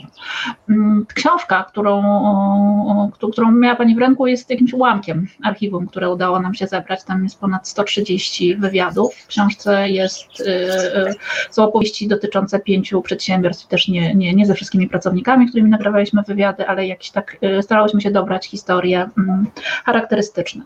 Dlaczego historia mówiona? No, historia mówiona ma bardzo długą tradycję w historiografii, y, y, która brała się stąd, że pewne doświadczenia mm, czy pewne opowieści nie są, czy nie stają się tak łatwo opowieściami, y, łatwo dostępnymi, czy w mediach, na pierwszych stronach gazet. Y, historia mówiona zaczęła się od zbierania opowieści robotników, niewolników, kobiet, które przez dłuższy czas nie miały swojej historiografii, to są jakieś długie korzenie. Oczywiście współcześnie dostęp do mediów i do opowiadania o swoim doświadczeniu jest dużo bardziej demokratyczny. Niemniej wydawało nam się, że taki sposób uchwycenia mm, opowiadania o transformacji w jakiś sposób pomaga dodać do istniejącego już dyskursu na temat transformacji pewne bogactwo treści i doświadczeń, które tym dyskur dyskursowi bardzo spolaryzowanemu i bardzo upolitycznionemu w jakiś sposób umyka. To może tyle ode mnie na początek. Ja jeszcze tylko dopytam o ten czas, 10 e, lat. E, tak, 10 lat temu rozpoczął się ten projekt, więc 20 e, lat de facto po e, transformacji to był dobry moment. Czy na przykład, nie wiem, żałuje Pani, że nie zaczęło się wcześniej prowadzić takich badań?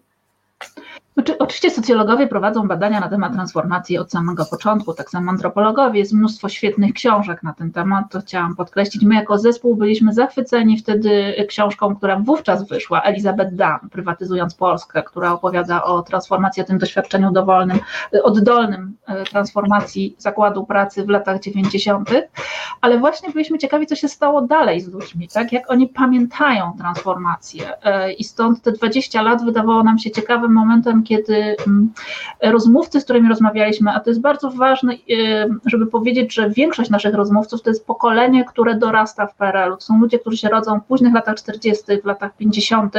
i którzy są socjalizowani w tym systemie. Dla nich bardzo ważnym formacyjnym doświadczeniem są lata 70., czyli ta gierkowska modernizacja, lata Solidarności, kolej zapaści polskiego przemysłu w latach 80., ale oni są jeszcze w pełni sił e, zawodowych w latach 90., e, kiedy transformacja ich spotyka. W związku z tym jeszcze są przez co najmniej 10-20 lat e, na rynku pracy, tego nowe, na tym nowym kapitalistycznym rynku pracy i byliśmy ciekawi, jak oni z perspektywy oceniają tą zmianę. Dlatego te 20 lat wydawało nam się ciekawe na, do tego, żeby uchwycić, jak, jak nie tylko transformację się przeżyło, ale również jak oni się, jak, jak ją ludzie pamiętają, jak ją oceniają z, z tej perspektywy. Oczywiście przez 10 lat naszego projektu wiele osób, wiele rzeczy się zmieniło, tak?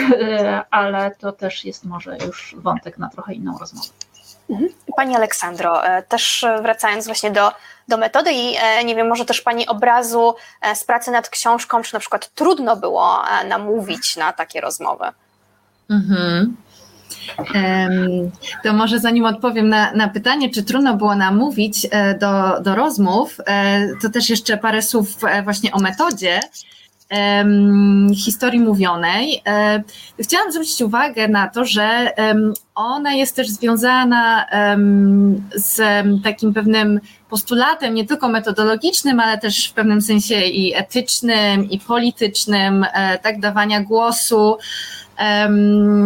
dawania przestrzeni dla tej perspektywy, która jest nieobecna, e, że tak powiem, w podręcznikach, w takim, e, w tej dominującej opowieści o historii.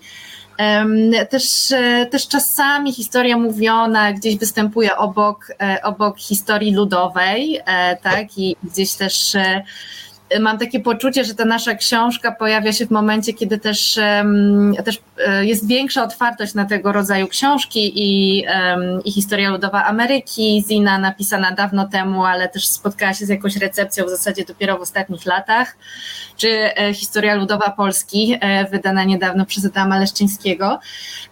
Natomiast co jest istotne, to to, że że my jednak e, zdecydowałyśmy się oddać e, głos e, tym uczestnikom tych przemian. Tak? To nie jest nasza rekonstrukcja zdarzeń z jakiejś określonej perspektywy, tylko to jest taki wielogłos i co istotne, mm, staramy się oddać perspektywę bardzo szerokiego grona uczestników tej zmiany. Także to nie jest tylko i wyłącznie punkt widzenia na przykład robotników, ale mamy robotników, średni szczebel kierowniczy, wyższy management. Starałyśmy się też zawsze kogoś z tego najwyższego kierownictwa e, złapać i, i to było dla nas ważne, tak, żeby to, to, to nie była taka jedna, jedna strona medalu, tylko um, pewien skomplikowany całokształt.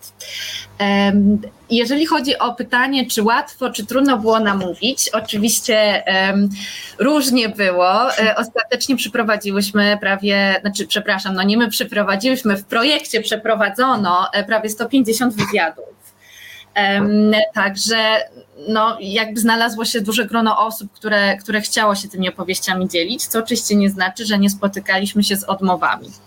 E, I to jest może taka ciekawa e, informacja też dla odbiorców naszej książki, e, że, że te historie, które przedstawiamy, to są jednak takie historie może nie, nie, na pewno nie historie sukcesu, ale gdzieś nie są to też historie takiej jakby to niektórzy powiedzieli, trajektorii cierpienia, tak? takiej klęski i upadku, że osoby, dla których e, to doświadczenie pracy w tym okresie bardzo często związało się właśnie z jakąś głęboką, bardzo trudnym doświadczeniem, zwolnieniem, e, całkowitym wiem, upadkiem lokalnego przemysłu. Także te, tej perspektywy tutaj w naszej książce nie ma, e, co paradoksalnie też moim zdaniem jakby wzmacnia ten krytyczny ton e, tak, e, tej, tych głosów i tej książki, że, e, że on jest z takiej perspektywy trochę bardziej środka.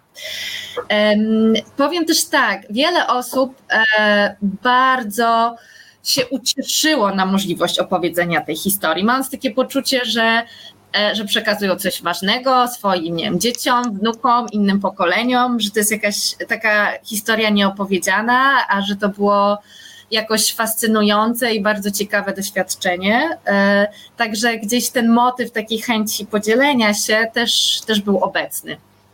I też wydaje mi się, że ten czas, w którym e, przeprowadzałyśmy projekt, e, no był takim dobrym czasem dlatego, ponieważ było już takie poczucie, że transformacja jest zamkniętym e, etapem. Gdzieś tym przyjęło się w literaturze naukowej uważać, że, że zakończyła się, oczywiście to jest bardzo umowne, w 2004 roku, czy też z wejściem do Unii Europejskiej. Natomiast gdzieś ten sposób mówienia o transformacji już się trochę zaczął różnicować i otwierać i też dla, dla tych naszych rozmówców to był taki czas, myślę, w którym mogli się trochę e, uwolnić od tego poczucia, że, że to jest coś, co trzeba na przykład e, tak jednoznacznie bronić albo jednoznacznie e, krytykować.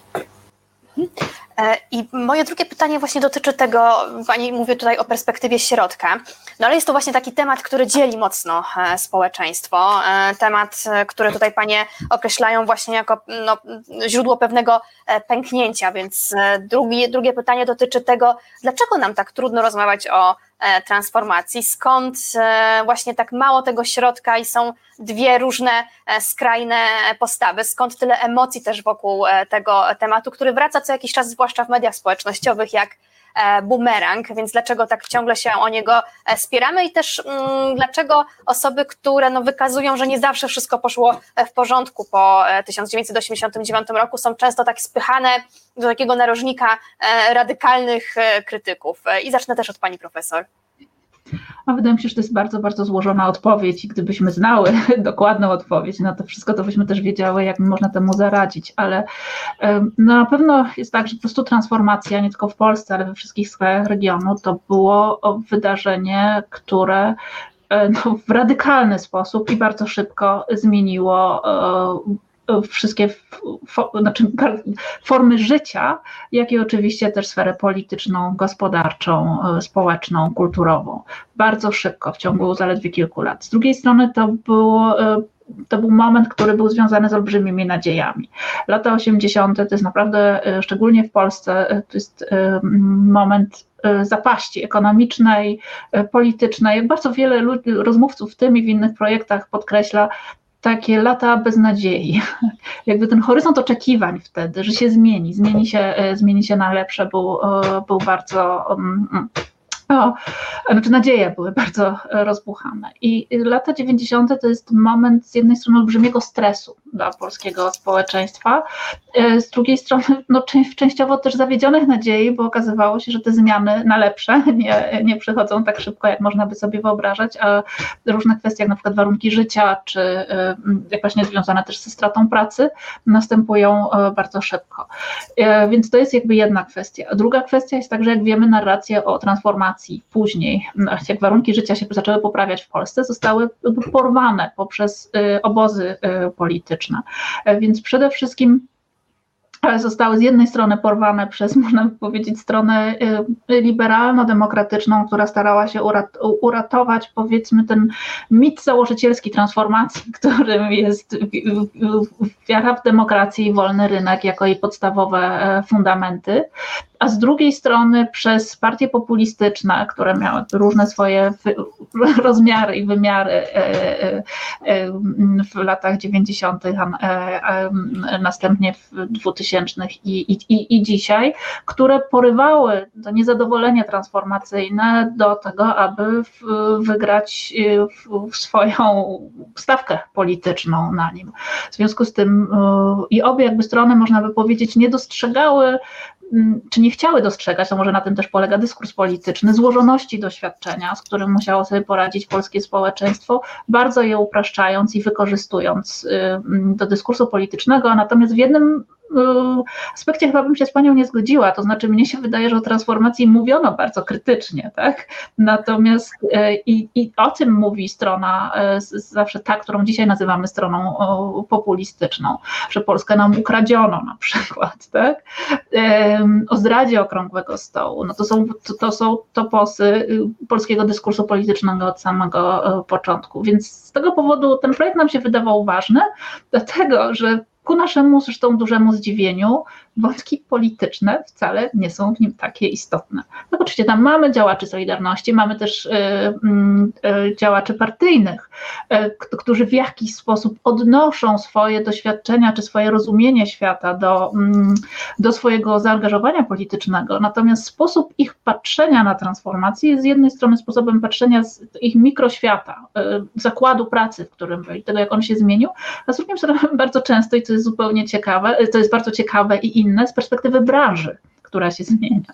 E, branży, która się, która się zmienia nie tylko w Polsce, ale globalnie, jak branża samochodowa, hutnicza, czy spożywcza. I y, trzeba też pamiętać, że polskie społeczeństwo wtedy wchodzi nie tylko w transformację, powiedzmy taką instytucjonalną, która zmienia instytucje polityczne i ekonomiczne, czyli od demokracji do, y, y, czy transformację do demokracji i do wolnego rynku, ale także przechodzi zmianę, która jest zmianą globalną i z doświadczenia świata pracy wszędzie, czyli od tak zwanego systemu fordowskiego do postfordowskiego, w którym i deindustrializacji.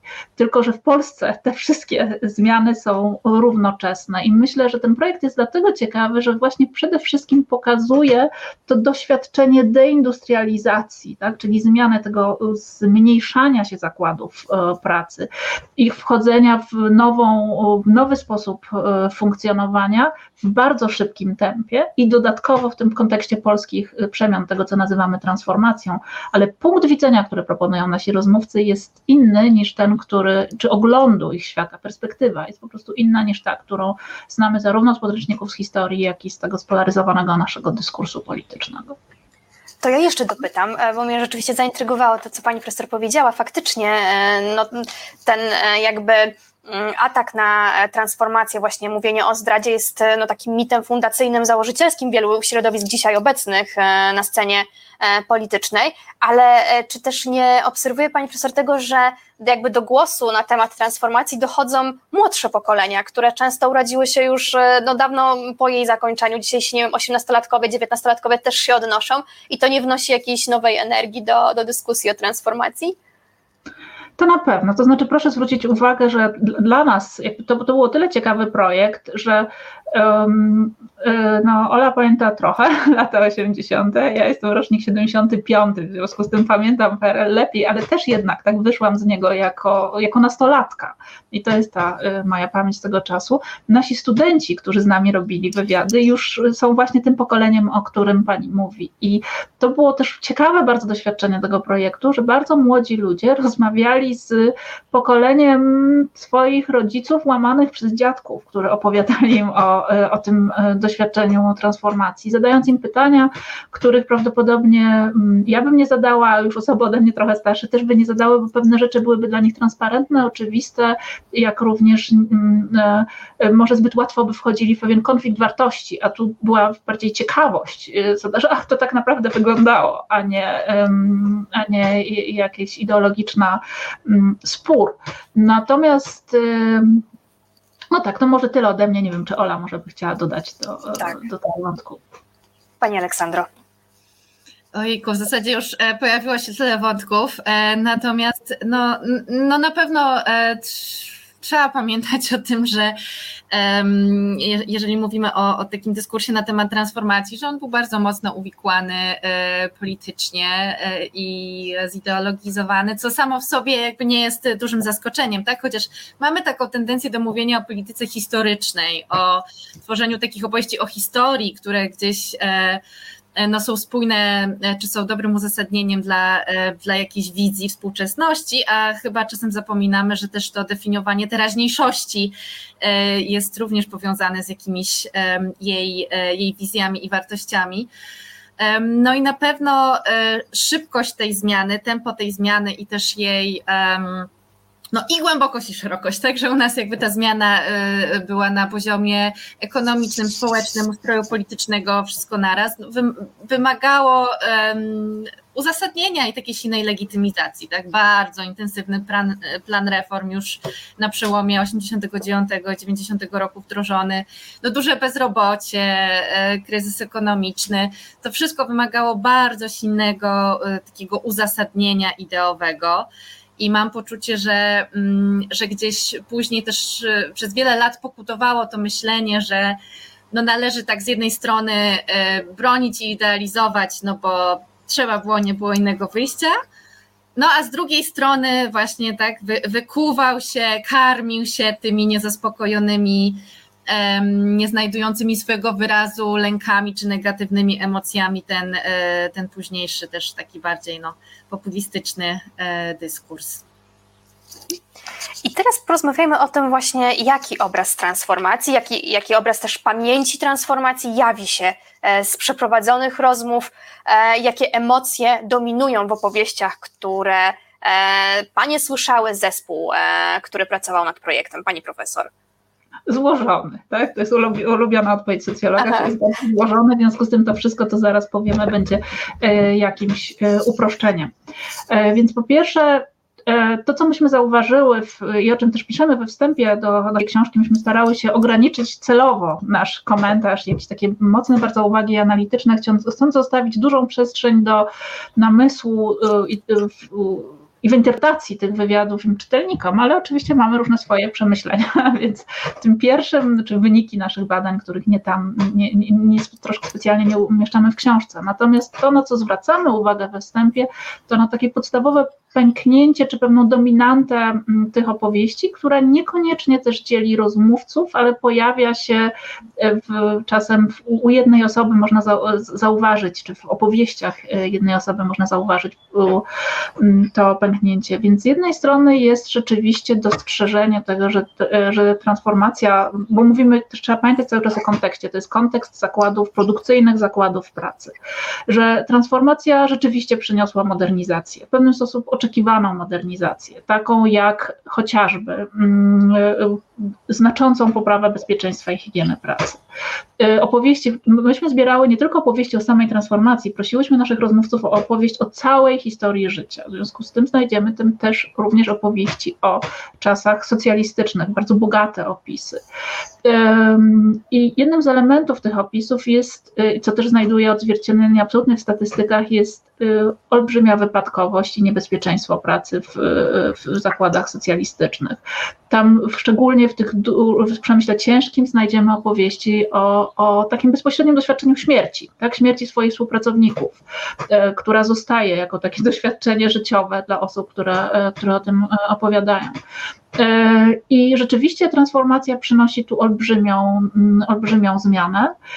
Trochę jest przy tym ironii opowiadania o tym, jak to tam nam kazali nosić te kombinezony ochronne i tak dalej, nie, pozw nie pozwalali już palić w miejscu pracy. Niemniej te, ten aspekt transformacji jest doceniany bardzo pozytywnie. No, doceniane jest y, też, ale również przez wszystkich, no, fakt po prostu tego, że to jest jakaś szansa dla Polski, szansa dla regionu i przede wszystkim szansa dla dzieci, tak, które modernizując tym, bo wywiady, które prowadziliśmy, prowadziliśmy w, w, Warszawie, ale też w wielu zakładach w, w mniejszych miejscowościach w Polsce.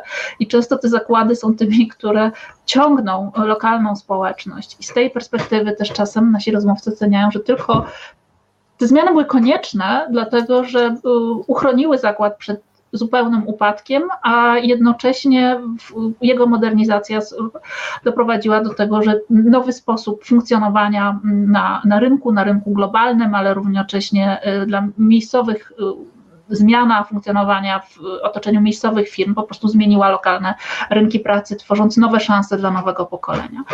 E, I też na takim poziomie czysto prywatnym, że no dzięki temu takiego sukcesu dałem radę czy dałam radę, nauczyłam się języków, nauczyłam się komputera, e, w związku z tym e, też dzięki temu, że co ja osiągnęłam, czy osiągnąłem moje dzieci, tak dzięki temu mają, mm, mają lepsze, lepsze szanse.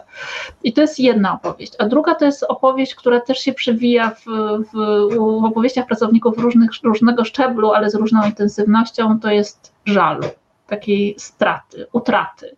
I to jest utrata e, przede wszystkim więzi i relacji społecznych, czasu, który jest utożsamiany z PRL-em. Oczywiście PRL, czasy socjalistyczne są bardzo tam idealizowane, natomiast to, to o czym trzeba pamiętać, no, że te wielkie produkcyjne zakłady rzeczywiście tworzyły taki, można by powiedzieć, mikrokosmos, y, y, świat totalny dla, e, dla pracujących tam ludzi, szczególnie z małych miejscowości, oni często kończyli, uczyli się po to, czy kończyli studia, czasem po to, żeby wrócić do tego zakładu pracy, w którym wcześniej czasem kończyli jakieś technika przy e, technikum, czy jakąś inną szkołę e, przyzakładową. Tam te wszystkie te znane kolonie w czasy grzybobrania, znajomi i równocześnie tak zwana perelowska gospodarka niedoborów, która powodowała do tego, że zakład był tym dostarczycielem różnych niedostępnych dóbr osób prowadziła do wytworzenia takich no, silnych bardzo wspólnot pracowniczych. I te, te za tą wspólnotą się bardzo tęskni. To znaczy, transformacja ewidentnie jest opowiadana jako ten moment, kiedy więzi pomiędzy ludźmi zostają przecięte. Stąd też, też nasz jeden z wymiarów naszego tytułu, naszej pracy cięcia. Tak? E, dlatego, że dzieją się różne rzeczy. Dzieje się na przykład to, że. No, pracownicy też brali udział w przemianach i w restrukturyzacji pracy, y, swojego miejsca pracy. W związku z tym y, no, czasem musieli stawać przed takimi wyborami, czy mam zwolnić tak, moich kolegów, czy nie mam zwolnić. Jeżeli tak, to kogo zwolnić? I o tym też są, jest, są niektóre wywiady, które pokazujemy w, w książce. Y, jest po prostu mniej czasu. Transformacja jest, tak jak już powiedziałam, utożsamiana ze stresem. No, stresem utrzymania się swojego miejsca pracy. W związku z tym już mam mniej czasu dla swoich przyjaciół, znajomych itd. Tak Czy jest, jest takim rzeczywiście doświadczeniem, które się przewija przez tą książkę, to jest e, rozpadu pewnej formy życia i tworzenia się nowej formy życia w, w, w latach, w latach późniejszych. Mm. No i dlatego to jest naszym zdaniem ciekawe pokolenie, bo to jest to pokolenie, które mm, by uniosło czy przeniosło e, w tą, tą zmianę w swoich biografiach. To znowu tyle ode mnie. Pani Aleksandra. Mhm. Znaczy ja w zasadzie chyba e, rozwinę e, to, to, o czym mówiła Asia.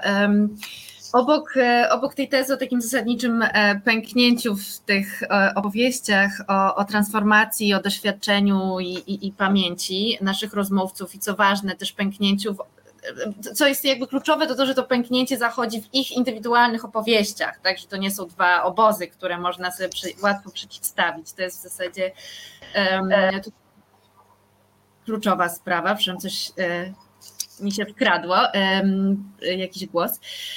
E, to to, co jest, mm, to, co jest istotne, to to, że ich opowieści pokazują takie nieustające zmaganie się trochę. To też, e, też zwracamy na to uwagę, że naszym zdaniem ta opowieść nie jest przypracowana, że też gdzieś w takim języku publicznym, w dyskursie publicznym brakuje takich zasobów, które pozwalałyby gdzieś opowiedzieć w taki sposób e, spójny, tak? Czy, czy, czy, czy właśnie nie, nie wywołujący jakichś takich wewnętrznych konfliktów czy napięć.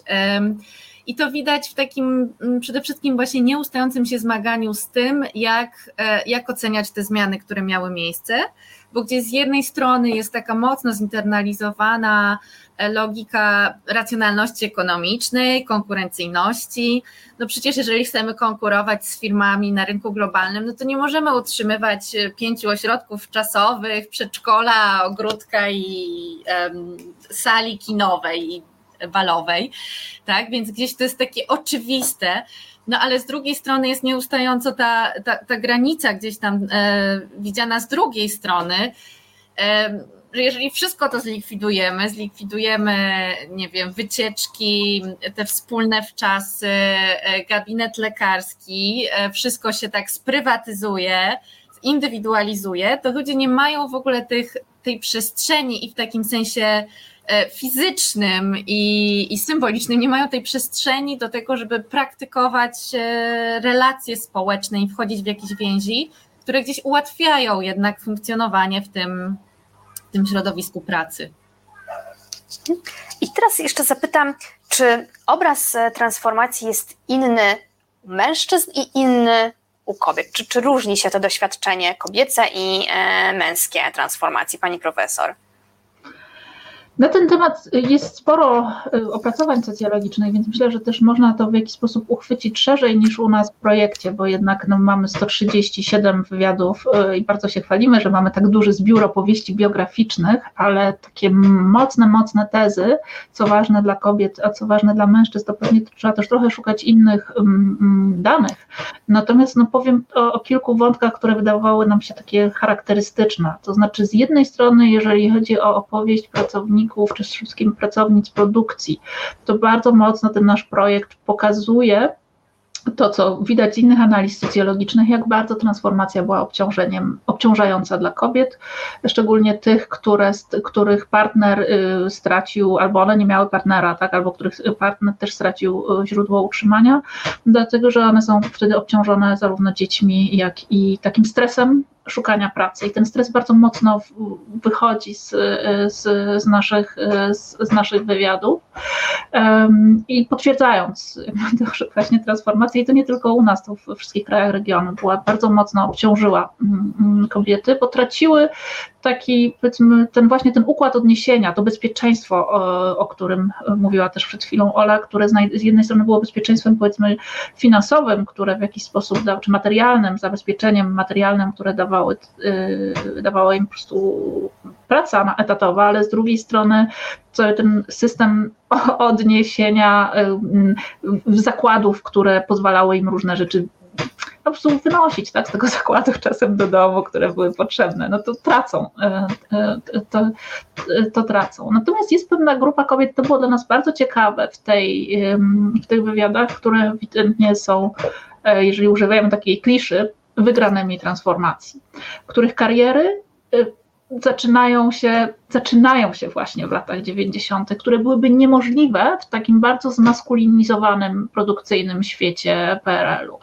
Trudno byłoby sobie wyobrazić tyle kobiet na kierowniczych stanowiskach, więc tutaj rzeczywiście transformacja w pewnym sensie do, doceniła kapitał kulturowy kobiet, tych, które chciały i które bardzo dużo poświęciły do tego, żeby. Um, żeby dużo bardzo zainwestować swoje wykształcenie, też czasu rodzinnego, o tym też jest w jakiś sposób, jak rodzina się poświęca tak, dla, dla kariery i jak kobieta poświęca de facto swój czas e, dla kariery. Więc ileś jest opowieści kobiet na wyższych stanowiskach, które, um, no jedna jest taka opowieść o, o pani, która tam staje się um, CEO w ogóle na całą Europę Wschodnią, e, tak się, e, w związku z tym to jest w ogóle niemożliwe tak, w latach 70. E, i 80. i dlatego też te wywiady są ciekawe, bo odsłaniają ten typ doświadczenia transformacji. Pani Aleksandro?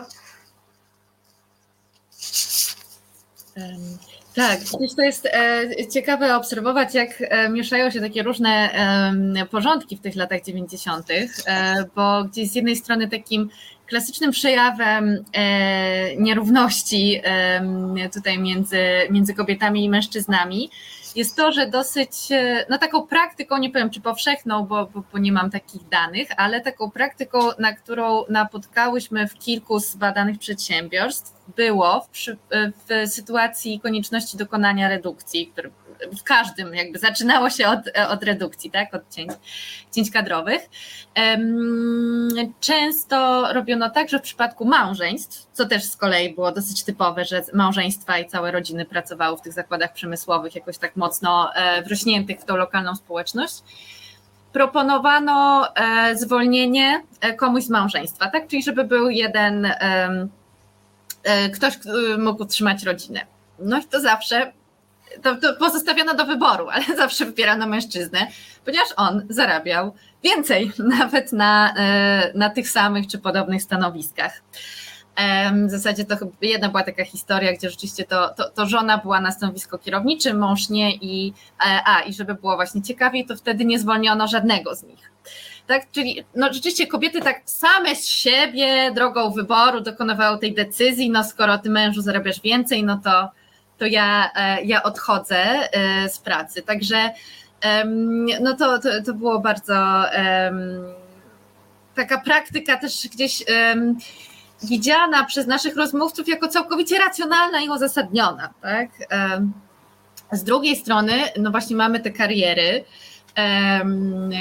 kobiet na wyższych stanowiskach raczej, e, kierowniczych, które też są związane z kolei z pewnymi zasobami, na których nowe, e, nowi prezesi, kadry zarządcze, te zagraniczne, tak, zachodnie, no, na których budowały, czyli na takich zasobach e, ambicji, ale też dyspozycyjności, determinacji, no chęci rozwoju, to jakby ja też nie chcę, żeby to zabrzmiało, że jakoś negatywnie oceniam te, te cechy, absolutnie nie.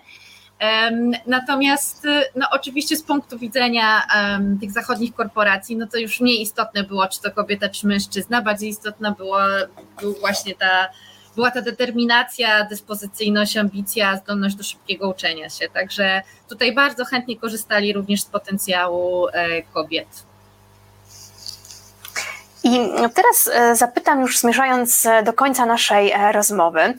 Pani profesor powiedziała taką bardzo ciekawą rzecz, że właśnie nie występuje polityka w tych wspomnieniach, że to gdzieś jest poza E, poza nimi. E, a czy to są, e, czy rozmówcy, rozmówczynie też wznosili się na taką perspektywę meta i na przykład wygrani jakoś odnosili się do tego, że nie wszystkim udało się tak jak im, a ci, którym no, poszło gorzej, patrzyli, nie wiem, z jakimś podziwem, a może zazdrością albo jakimś, jakąś inną emocją na tych, którym poszło E, lepiej? Czy, czy jest jeszcze taka ogólna refleksja, oprócz tej bardzo osobistej, e, w, pojawia się w rozmowach? E, pani profesor. Tak, to znaczy wiele wywiadów łączy się z takim pewnym zawahaniem, to szczególnie właśnie u osób na środowiskach kierowniczych i, i tych wyższych, wyższych menadżerskich, którzy mówią, no ale nie, ja rozumiem, że nie wszystkim się udało i potem jest jakaś taka próba ewaluacji. Czasem jest to takie, mo, można, może można to było zrobić inaczej, a może nie można było zrobić inaczej. I to jest, to, to, to się zdecydowanie pojawia w, w tych wywiadach. Oczywiście pojawiają się też te zadry transformacji, które są też istotne na, w zakładach lokalnych, może też to nie, nie wszystkie z nich widać w tym zbiorze, który publikujemy, no ale tam oczywiście były silne konflikty, silne konflikty dotyczące tego właśnie, kto, która, można powiedzieć, grupa zaczęła zarządzać e, e, przedsiębiorstwem w momencie, kiedy dochodziło do prywatyzacji, kto został odsunięty, więc tam w każdym z tych, znaczy wielu z tych przedsiębiorstw są animozje od, od tej strony. Są oczywiście takie poczucie e, krzywdy, niesprawiedliwości, i to, to się pojawia. No, tak, to są ludzkie, ludzkie historie i ludzkie, i ludzkie emocje. Też ja bym nie powiedziała, że one są zupełnie mm, pozbawione polityki, natomiast tej polityki jest dużo mniej e, i dużo bardziej w tle co też bierze się z takiego powodu, e, z tego, i tu można wracając do Pani pierwszego pytania, mm, jak e, o metodę, z, z, tego powodu, jak myśmy rozmawiali, myśmy prosili o powiedzenie historii swojego życia. Tak? Proszę mi opowiedzieć historię swojego życia i dopiero jak dana osoba skończyła mówić, my zadawali, zadawaliśmy mm, pytania wynikające z naszego scenariusza badawczego, czyli dużo mocniej o doświadczenia lat 80. i 90. I rzeczywiście w tym doświadczeniu życia oczywiście znajdują się pewne epizody polityczne, jak może na przykład udział w Solidarności albo w zaangażowanie w, w PZPR, o którym też zresztą bardzo ciekawie wiele z naszych rozmówców opowiada, ale mm, rzadko jest taka bardzo mocna mm, refleksja polityczna, która by dominowała daną narrację. Zadawaliśmy za to często na końcu pytanie, który z okresów swojego życia pan lub pani ocenia najlepiej.